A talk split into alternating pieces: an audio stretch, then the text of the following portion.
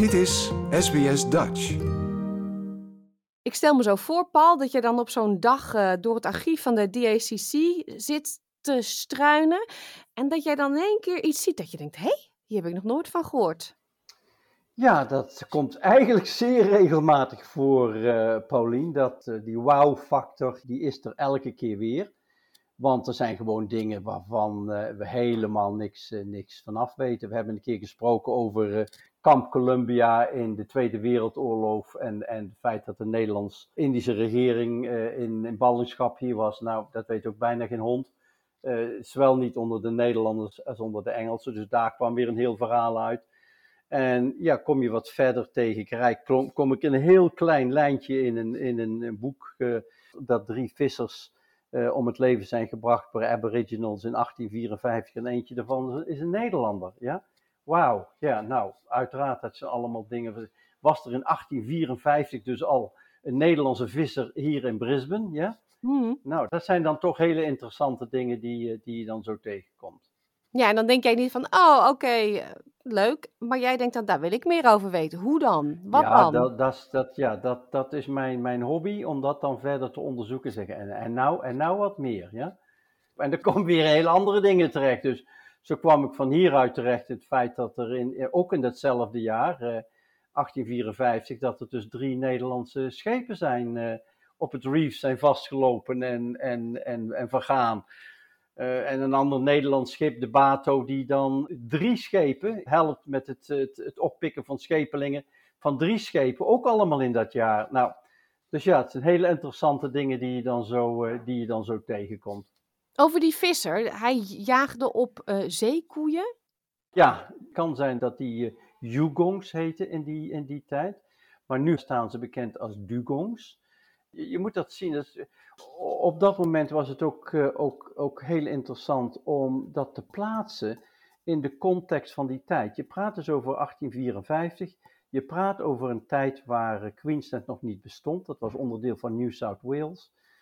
Brisbane was pas in, in 1840, 42 werd die opengesteld nadat het een, een gevangenkolonie was voor settlers.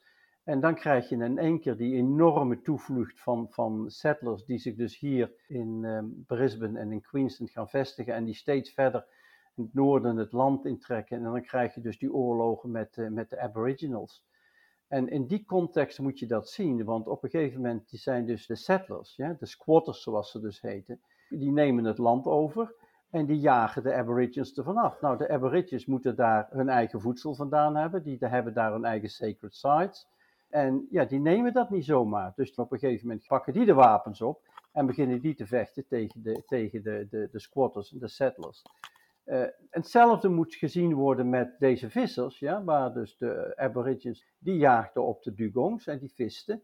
En dan krijg je in één keer dus concurrentie van vissers, ja, witte vissers, van nieuwelingen.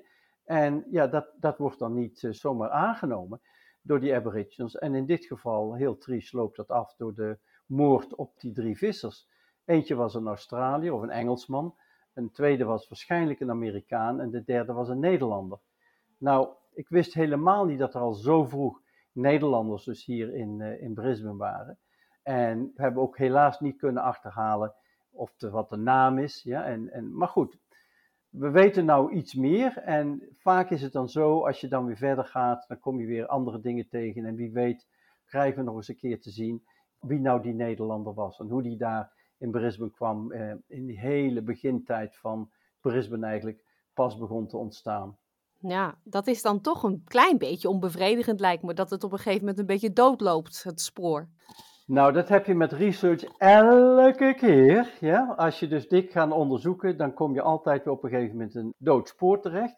En dan heel vaak uit een totaal onverwachte hoek krijg je weer eens in één keer een link waarvan het zegt, ah, kijk, nou past dat bij elkaar enzovoort. Dus eh, vaak is het toch zo dat je dan uiteindelijk wel weer verder komt. Maar soms is het ook een kwestie van, ja, that's it, meer is er niet bekend, dat was het, op naar het volgende project. Ja, en dat zijn dan in dit geval die drie schepen? Ja, dus ik kreeg te horen van, van iemand hier in Brisbane, er is uh, Jane Robertson, die is een doctoraal student op de Griffith University En die houdt zich bezig met het onderzoek naar foreigners in Brisbane in, tot aan 1859, toen Queens dus een eigen staat werd. En ik heb met haar contact opgenomen. En zij zegt, nou, ik ben geen Nederlander tegengekomen in die tijd. Het zijn bijna allemaal Duitsers.